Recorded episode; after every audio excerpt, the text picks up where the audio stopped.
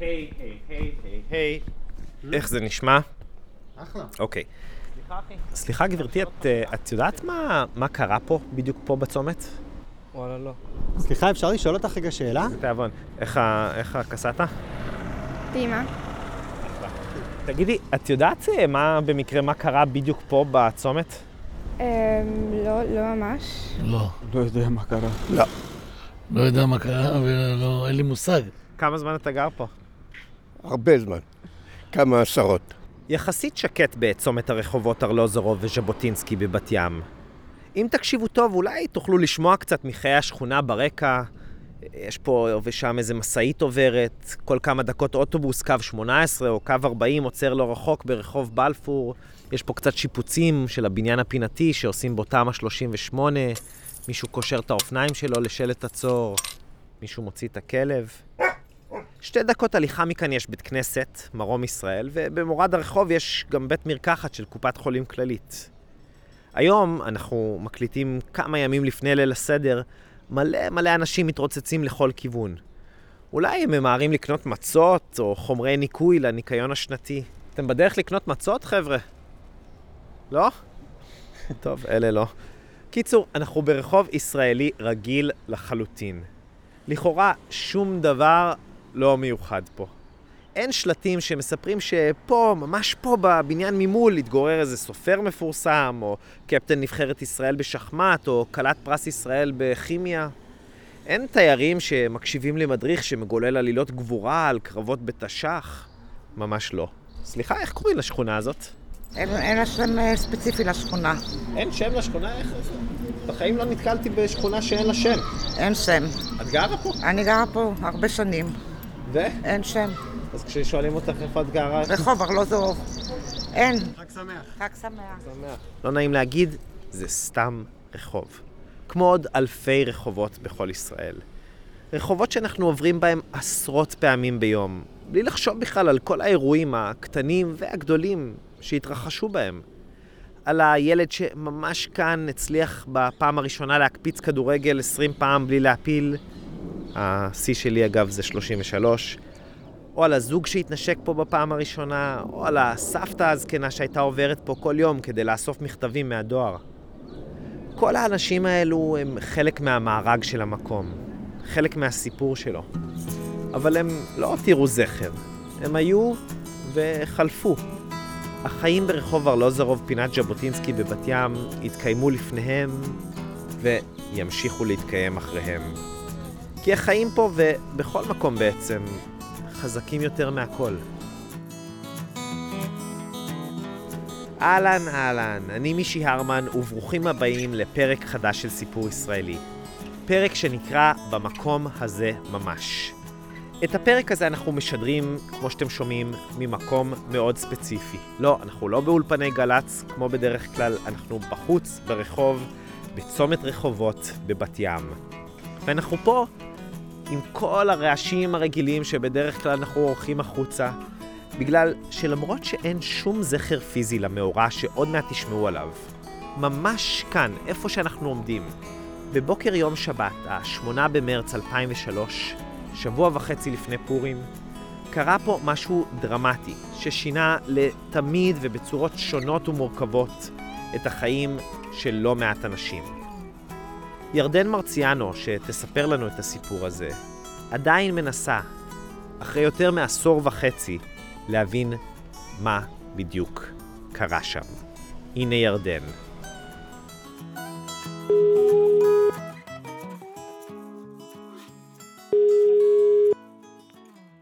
הלו, שלום, הגעתי לגדעון. כן, שלום, אני יכולה על דקה מזמנך? דברי.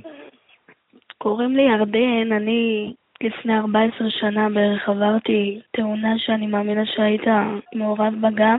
את מדברת על התאונה שהייתה בארלוזורוב? כן, כן, אני כמה רוצה להתנתק מזה כמה שיותר. תשמעי, זה לא יעשה לי טוב גם אם אני אראה אותה. לא, אני צריך לחשוב על זה. זה לא, זה לא כלאחר יד. זה קרה לפני 16 שנים. אני הייתי בת חמש וחצי, והתעקשתי לשבת מקדימה. בלי חגורה. ככה אני ואימא שלי הגענו לצומת בארלוזרוב, פינת ז'בוטינסקי בבת ים. ונהג מונית אחד לא עצר בעצור. זה לפחות מה שסיפרו לי. אבל המידע הזה קצת מעורפל. אני לא באמת יודעת מה קרה שם. היו שיבושים בכביש, התמרור נפל או הוסר, או שאולי מעולם לא היה. אני לא יודעת. אבל הרגשתי שאני צמאה להבין מה באמת היה שם. אמא שלי לא נפצעה בתאונה. לאחר הסתכלות, היא שוחררה הביתה. אבל נפשית, אני חושבת שמבחינת שתינו, זאת הייתה טראומה שאף פעם לא תעבור לגמרי. אמא שלי עד היום מתקשה לחזור לזה. אז ביקשתי מאבא שלי ומהאחיות הגדולות שלי, אודליה ואורטל, לספר לי כל מה שהם זוכרים. הלו, רחו? זה אבא שלי, כן. רחו. יש לו סופר מרכזי, אז הוא דמות מאוד מוכרת בבת ים. תשמע, הבת שלך עשתה תאונה. ברגע שהתאונה התרחשה, אחת הצופות זיהתה שמדובר באשתו ובבת שלו, והתקשרה אליו. אומר לה, הבת שלי, איזה בת שלי עשתה תאונה? היא אומרת לי, לא יודעת, אנחנו פה ברחוב ארלוזורוב, יש לך ילדה קטנה, היא עשתה תאונה עם אוטו, ביחד עם אשתך. עכשיו כבר התחלתי להילחץ. אני אומר לה, ומה קרה? הכל בסדר? היא אומרת לי, לא, לא, תבוא, תבוא לפה מהר, מהר. פתאום אני מתחיל לשמוע סירנות. סירנות, והוא... רצתי, לקחתי את האוטו, ואני מגיע, איך שאני פה מסתכל, אני רואה חתיכת עמולה של אנשים ואמבולנס, ואני עוצר את האוטו באמצע הכביש ככה, הכל מלא אנשים, ואני רץ לכיוון של האמבולנס, אני רואה אותך שוכבת על אלונקה,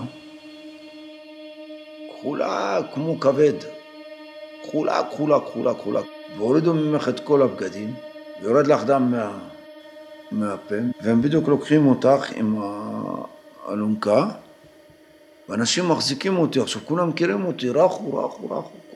אני רוצה להיכנס לתוך האמבולנס, זאת אומרת, כבר העלו אותך לאמבולנס, אני רוצה להיכנס לתוך האמבולנס, לראות מה קורה איתך. הגעתי לאמבולנס, פתחתי את הדלת, אחרי שהם סגרו את הדלת עליהם. מה שהצלחתי לראות, בן אדם מנשים אותך עם האמבו, ואת כחולה, חבל על הזמן. אבא התקשר ואמר לי, אורטל, אמא וירדן עשו תאונה, שמעתי אותו בוכה, בואי מהר לרחוב כך וכך. זאת אחותי אורטל. אחותי השנייה אודליה יושבת לידה ומדי פעם זורקת הערה. בזמן התאונה הן היו בנות 20 ו-21. הגעתי למקום, ראיתי את האוטו של אמא ואת הדלת פתוחה, ואת כבר לא היית באוטו. הכל היה קשור עם סרטים אדומים כאלה. שוטרים עמדו ולא נתנו לאף אחד לעבור. הזזתי את השוטרים וצעקתי, זו אחותי, זו אחותי, תנו לי לעבור. והם לא נתנו לי לעבור. וראיתי את אימא יושבת בתוך האמבולנס, אה, ואותך שוכבת ככה עם הצווארון האדום הזה, וזהו, והם נסעו. ואני רצתי לאוטו, ונסעתי לוולפסון. אני מגיע לוולפסון, אני בא לקבלה למיון, צועק איפה הילדה שלי. איפה הילדה שלי? הילדה שלי הייתה בדרך עם אמבולנס לפה, איפה הילדה שלי? האישה שמה אומרת לי, תשמע, אני מכירה אותך, אני מכירה אותך, תירגע, תכף אני אבדוק, חכה רגע. אני לא יכול לחכות את הדקות האלה. הביאו לי מים, שפכו עליי מים, אחרי זה כמה דרכות, את יודעת, מורטות עצבים מטורפות. אומרת לי, תשמע, הילדה שלך, יש לה פגיעת ראש, היא לא תבוא לפה, לוקחים אותה לתל השומר. יוצא משם בדהרה, נוסע כמו מטורף. הגענו כולם לבית חולים. נכנסנו מהר בריצה למיון, חיפשנו אותך, וכשבאנו וראינו אותך, הכנסנו את הראש לחדר, ראינו אותך ערומה, לגמרי. וממש, שנותנים לך מכות חשמל. ככה, בום, בום, בום. בימים הראשונים אמרו לנו שבכלל לא תחזיקי מעמד. בפציעה כזאת זה בלתי אפשרי. ואז בא הרופא, דוקטור פלדמן, ואמר, שלום, כולנו נעמדנו מולו, והוא עמד ככה איזה חמש מטר מאיתנו רחוק. הוא אמר, תשמעו, אם היא תחיה, היא תישאר נכה ומשותקת ומונשמת לכל ימי חייה.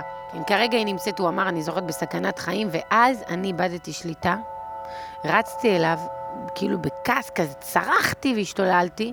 אבא תפס אותי, אבא שבחיים לא הרים עלינו יד ולא שום דבר, נתן לי סטירה ככה מצלצלת, ואמר לי, תירגעי. ומאותו רגע אני זוכרת שלא בכיתי יותר. עמדתי ורצתי והלכתי, וכל מי שבכה כעסתי עליו. ישנו בטיפול נמרץ כמובן, כל המשפחה את אותו לילה, לא יצאנו משם, אני לא יצאתי משם כמה ימים. ביום שלישי הלכנו הביתה, ואז אמרו לנו, בואו מהר, יש שיחה עם הרופאים.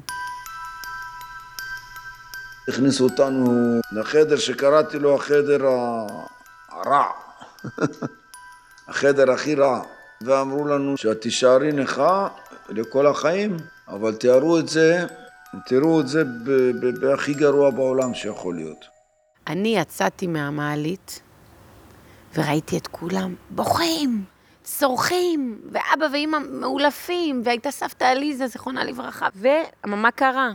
שהיא בסכנת חיים, יש לך דלקת ריאות חמורה, יש לך 40 חום שלא יורד. נכנסתי אלייך, ואני רואה אותה עם חיתול רטוב על הגוף שלך, את ערומה, ושתי מאווררים על הגוף שלך, ולא יוצ... מצליחים להוריד לך את החום. ואומרים שאין חום גבוה וזהו, יש לך כמה שעות לחיות ונגמר. ואז נכנ... נכנסתי וראיתי אותך ככה שוכבת עם החיתול הקר הזה, וכל רגע טובלים לך את החיתול במי קרח, שמים עלייך אותו קר עם שתי מאווררים, והיה מרץ, קפוא. והיינו יושבים רואים אותך, וזה היה נוראי. אבל ביום שלישי את התעוררת. אני הייתי איתך לבד, את פתחת עיניים, ופתאום התחלת לדמוע, לדמוע, לדמוע, לדמוע, זולגות לך דמעות שאת בשכיבה ככה הצידה, ואת בוכה. היה לך גם את הטובוס בפה, שזה צינור ההנשמה, ואומרים שזה דבר שהוא בלתי ניתן לסבול את זה. ואת עשית ככה, הזזת את הראש מצד לצד, ו- ו- ועשית כאילו פרצוף כואב. לא ידעתי מה לעשות, רציתי לצאת החוצה לכולם לקרוא, אבל לא רציתי לעזוב אותך לבד, ואמרתי לך, ירדן, אל תדאגי, אנחנו איתך. ואז רצתי מהר. צעקתי, התעוררה, התעוררה, כולם נכנסו לטיפול נמרץ, פרצו את הדלת ככה מלא, התחלנו לשמוח. חיפשתי אותו במשך שבועות. לא ידעתי איך קוראים לו, או מה הוא עושה היום. אבא שלי ואחותי אודליה קצת נרתעו מהרעיון, אבל אני התעקשתי, ולא הייתה להם ברירה. הם נרתמו לחיפושים. הם התקשרו פעם אחר פעם לתחנת המוניות ההיא, שלא סיפקה תשובות. חיפשו ניירות ישנים מפעם, וכלום. היה נדמה שהתאונה שלי נשכחה, כאילו שבכלל לא הייתה. אבל אז אחותי אודליה חיפשה שוב בין הדפים, ומצאה מסמך של המשטרה מהתאונה. במסמך הזה היה כתוב השם שלו. התקשרתי ל-144, ונתנו לי מספר של טלפון קווי. כשהתקשרתי ענתה לי אישה. מסתבר שהגעתי לגרושתו. היא אמרה שאין לה מושג איפה הוא היום. הם גרושים כבר מעל ל-20 שנה, עוד מלפני התאונה. אפילו הבן המשותף שלהם לא בקשר איתו שנים. ביום שאחרי השיחה הזאת, אבא שלי דיבר עם לקוח ותיק, שעובד בעיריית בת ים. הוא מצא את המספר האמיתי. בין אותם מסמכים שאחותי מצאה, 12 במרץ 2003. נמצא גם דוח, שנכתב על ידי העובדת הסוציאלית, שעבדה בזמנו במחלקת טיפול נמרץ ילדים. החל מאתמול מתמודדת המשפחה עם המשמעות האמיתית של מצבה של ירדן. עד כה, למרות שיחות חוזרות עם אנשי הצוות, כנראה לא הפנימו את מהות העניין. תגובות בני המשפחה היו קשות ומשקפות את המצב של ירדן. תגובות כוללות זעזוע והלם, אשמה עמוקה מצד האם, חוסר אונים ותחושה של אובדן שליטה וביטחון בסיסי. במהלך השעות שאחרי הבשורה שנתקבלה במסגרת שתי שיחות עם הרופאים, האב מילא תפקיד מרכזי כלפי הבנות, כל אחת בנפרד. נראה כי למרות קשייו, הוא מצליח לתמוך בהן כל אחת על פי צרכיה. היום נראה ששלב הזעזוע עדיין בעיצומו. המשך ליווי תומך על פי הצורך. אני זוכרת שאבא נכנס לטיפול נמרץ באותו יום של השיחה, וצעק להם, יש לי כסף, אני מוכן למכור את הכל, יש לי כסף. בא אליו המנהל מחלקה, פרופסור פרט, טפח לו ככה על הגב ואמר לו, אדוני, פה, במקום הזה, אין, אה, אין שום אה, דבר שכסף יכול לקנות. אין פה משמעות לכסף. בבקשה, אדוני, תצא ותמשיכו להתפלל על הילדה הזאת. כל דקה שהייתה ביום היינו מפחדים, אומרים לנו, תתפללו, תתפללו, תתפללו, תתפללו, כאילו, אם היא תצא מזה בכלל. זאת אחותי אודליה.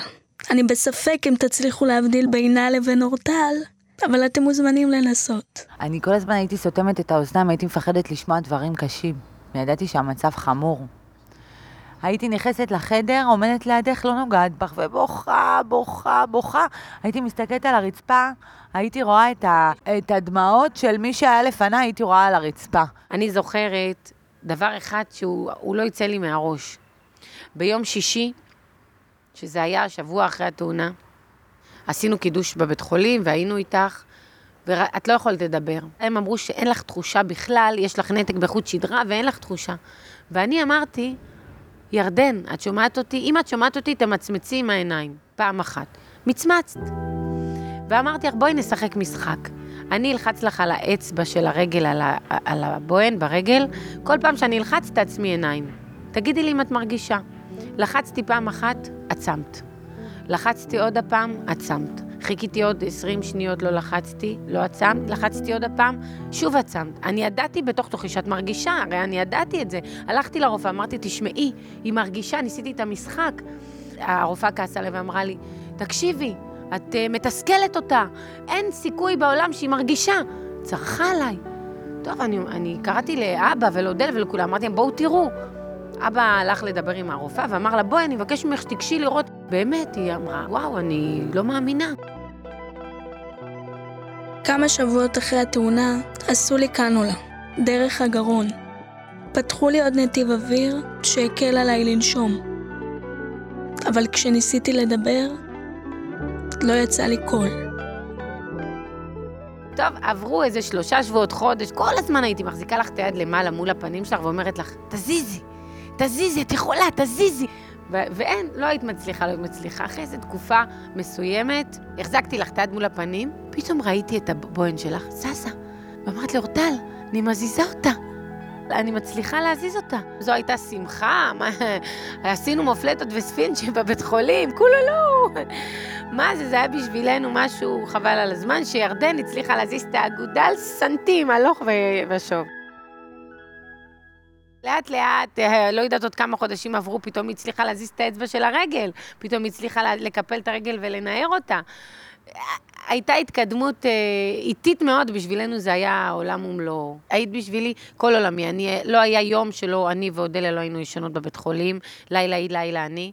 אה, מבשלות לכל הילדים בשיקום. בכלל, היינו עושים להם צוות הוואי ובידור. הייתי עושה כאלה שטויות, זורקת על עצמי קמח, סוכריות, סוכר, מלחמות של כדורי שוקולד, העיקר להצחיק אותך. ובלילה, שירדן הייתה נרדמת, אני הייתי יושבת ובוכה. זה לא היה קל, לפעמים היא הייתה מאוד מאוד עצבנית, ומאוד מאוד מדוכאת מהמצב. זה לא פשוט לילדה שהייתה הולכת, רוקדת, והכל, פתאום להיות במצב סטטי כזה. קשה לחזור לזה. אני אגיד לך את האמת, הייתי רואה תמונה עגומה לאללה. הייתי רואה אותך בדמיון שלי, יושבת במרפסת למטה, ואת מסתכלת מהמרפסת ורואה את כל הילדים משחקים, ורק את לא יכולה לשחק. זה הורג אותי. הייתי רואה תמיד קדימה, איזה 15-20 שנה קדימה, ואורטל הייתה נותנת לי כוח. אבא, עוד יום אחד עבר, עוד יום אחד היא חיה, אל תסתכל קדימה. וואלכ, יש לך אחיות, גם במפעל הפיס לא מוצאים דברים כאלה. הם עזבו את החברים שלהם, הם עזבו את החיים שלהם. הם עזבו את הכל, מה שמעניין אותם, מעניין אותם ירדן בבית חולים. אני חייתי בבית החולים מ-8 במרץ 2003 עד החמישה בינואר 2005. כשעזבתי הייתי בת שבע וחצי, והתניידתי בכיסא גלגלים ממונע. כבר יכולתי לדבר ולכתוב לבד, אז התחלתי ללמוד בבית הספר נווה חוף, שהיה ממש מתחת לבית שלי. אני זוכרת שאחרי כמה שנים, כל הכיתה שלך נסעה לבית חלומותיי. ואני הייתי בהיריון הראשון שלי בליאם, הייתי אולי בחודש שלישי, ולקחתי אותך לבית חלומותיי. כל הילדים, היה שם פארק מים כזה. עלו, ירדו, התגלשו, עלו, ירדו, התגלשו, ואת ישבת והסתכלת עליהם. אני לא אשכח את זה, את זוכרת את זה? את ישבת והסתכלת עליהם, אמרתי לה, ירדן, היית רוצה? עשית לי כזה פרצוף, אה, הייתי. כאילו הייתי רוצה, אבל כאילו אני לא יכולה. ואני הייתי בהיריון, כאילו אמרתי, לא מעניין אותי כלום. תפסתי אותך, הרמתי אותך, עלית עם הבגדים, אני הייתי עם בגדים. עם הבגדים, נכנסתי למגלשה, התגלצ'תי איתך. וכל זה, את יודעת, אני שומרת לך שלא ייכנס לך מים לקנולה, וזה, עוד פעם, הרמתי אותך, עלינו. כל הילדים סיימו, עוד אנחנו ממשיכות להתגלץ, עולים, יורדים, עולים, יורדים, ואני כבר בשארית כוחותיי, את זוכרת? זה היה... אין, לא היה דבר שאת רצית ולא עשינו. לא היה דבר שאת הסתכלת עליו, רצית לעשות אותו, ואמרנו אי אפשר. מבחינתי הכל היה אפשר, עד אפילו היום שגד, שאת אה, גדלת. חוץ לארץ, מועדונים, מסיבות, כל דבר ש, שרוצים, אפשרי. הכל, הכל.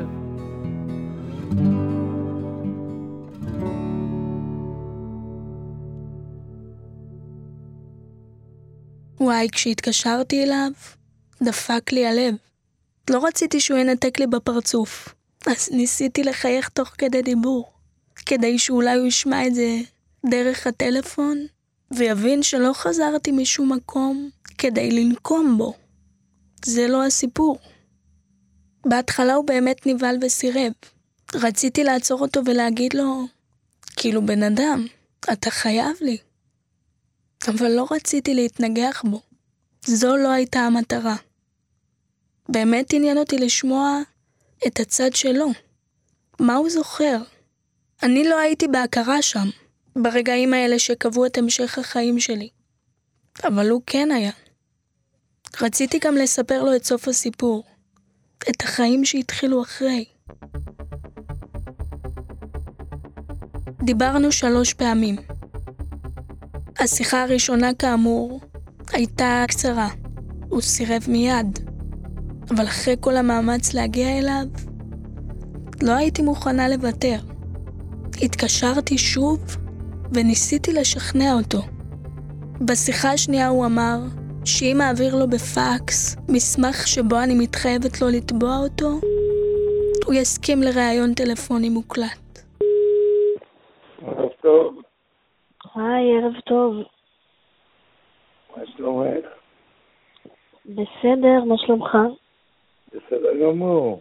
אה, כאילו אין לי, אין לי, אין לי שאלות מסוימות כרגע, פשוט... אה? אה, אם אני הייתי יודע, אני הייתי מכין. לא, לא, אני לא רציתי להכין שאלות, כי רציתי ש... שכאילו פשוט תספר את זה, אתה תדע לספר את זה הכי טוב. לא, לא קל, לא קל, לא קל. עכשיו גם לחזור על זה, אני צמרמורות. זה לא, לא קל, לא קל, אני מתרגש. בגללי, זה, בגללי זה קרה, אני האשם. אני לא מאחל את זה לאף אחד, ההרגשה הזאת. ושמעת כאילו מה, מה כן. היה המצב שלי? כן, בטח ששמעתי. ותגיד, מה, מה עשית אחרי התאונה, במה עבדת? לא עבדתי, לא יכלתי. אמרתי, אם אני פגעתי בבן אדם וזה מה שקרה לו, אני לא רוצה לפגוע בעוד אחד. לא יכלתי לעבוד בשום עבודה. מבחינה נפשית? גם, גם, גם, בטח. קיבלתי חרדה. עד היום אני סוחב את זה, שתביני, זה לא, לא קל לי. מה הרגשת שהתקשרתי אליך בפעם הראשונה? את האמת, שאני לא רוצה לדבר איתך. אני לא רוצה לחזור לזה עוד פעם. אני יכולה להבין. כי ראיתי בפייסבוק, ב- בוואטסאפ, את התמונה שלך. פחדתי להגדיל אותה. אבל הפנים נראות לי חמודות. תודה, תודה. בפנים אני סבבה. נראה לי שאני בסדר. יש לי עוד את הזיכרון של הפנים של אימא שלך. אני זוכר, היא הייתה אישה נאה. אני... כן. אני הולך להביא סיגריה, אני... בסדר גמור. לא רצית שניפגש. אני, אני מבינה. לא יודע אם אני אוכל להתמודד עם זה נפשית. לא הייתי רוצה להעמיד אותך עם שום דבר שהיה גורם לך, אתה יודע, להרגיש רע או משהו. גם, גם ככה אני מרגיש רע, זה לא עוזב אותי. שתדעי שאני לא עובר מחצות וחצי.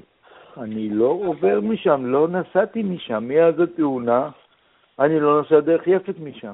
ולפני זה הייתי קונה שם. וואלה, בחנות של אבא שלי? כן, בטח שהייתי נהג מונית, הייתי עוצר, קונה שם. ו-14 שנה לא, לא... לא עברתי משם. כל הזמן, זה סוחב אותי כל הזמן, היצורי מצפון האלה. אני יכולה להבין אותך בתיאורטי, אבל אני לא יכולה להרגיש את מה שאתה... אני עברתי את זה. זה הסיפור זה, זה שלי. יסחוב אותך כל החיים, זו, זו הטרגדיה שלך. לא, כאילו זה, זה, זה היה הטרגדיה שלי, אבל היום אני לא, לא חיה בצל שום טרגדיה. אני רוצה שתדע שכאילו אני לא, לא נמנע ממני כלום. ברוך השם, כאילו אני, אני עושה... כן, אבל אני חושב על העתיד שלך. את מבינה? היום אני בעתיד שלי. להתחתן וילדים, וזה זה לא תדאג, כל אני, כך... אני הכל. באמת אני הכל. אתה רוצה שאני אספר לך על עצמי קצת? ספרי, אני אשמח. אני כן נכה ואני בארבע גפיים? אה, אני מזיזה יד. זאת אומרת שאני יכולה לאכול לבד, אתה יודע, להיות במחשב לבד. זה לא מובן מאליו עבורי. הסיפור שלי היום, בסופו של דבר יש לו סוף מאוד מאוד אופטימי. כי אני, אני בעצם לא, לא נטל על אף אחד ואני עושה כל דבר שאני רק רוצה. לא נתנו לי אה, רישיון עדיין, אבל אולי אני אצליח גם את זה. אני מקווה. בסך הכל אני מרוצה. אני חושבת שהיום, בגיל שלי, אני ב, בתקופה מאוד מאוד טובה. תשמעי, את, את לא מתארת לעצמך איזה הקלה את אה, עושה לי. אני לא שמחה מאוד. מתארת לעצמך. אני שמחה אם, אם בסופו של דבר מה, מהפרויקט הזה שלי לפחות גם הצלחתי לעשות משהו ש... שאתה יודע, יש לו משמעות. תסתכלי לי בעיניים, ירדן מרציאנו. יוחאי מיטל ומאיה קוסובר ערכו את הסיפור. תסתכלי לי בעיניים. אני צריך מבט ורוך, מגיע לי יותר. ירדן יצרה לאחרונה סדרה שלמה ומרתקת, שבה היא חוזרת לא רק לתאונה, אלא גם לתהליך השיקום וההתבגרות בצל ההשלכות של אותה התאונה.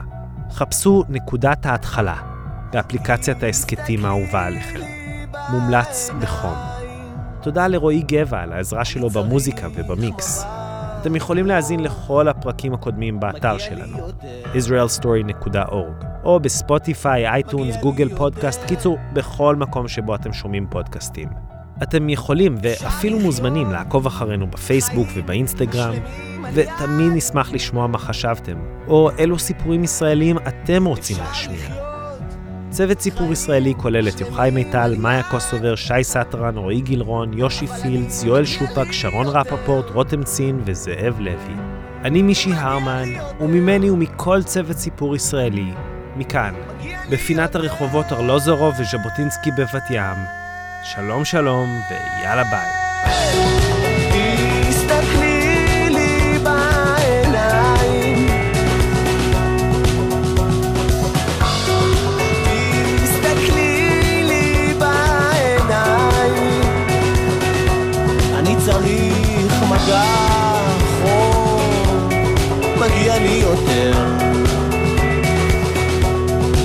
מגיע לי יותר.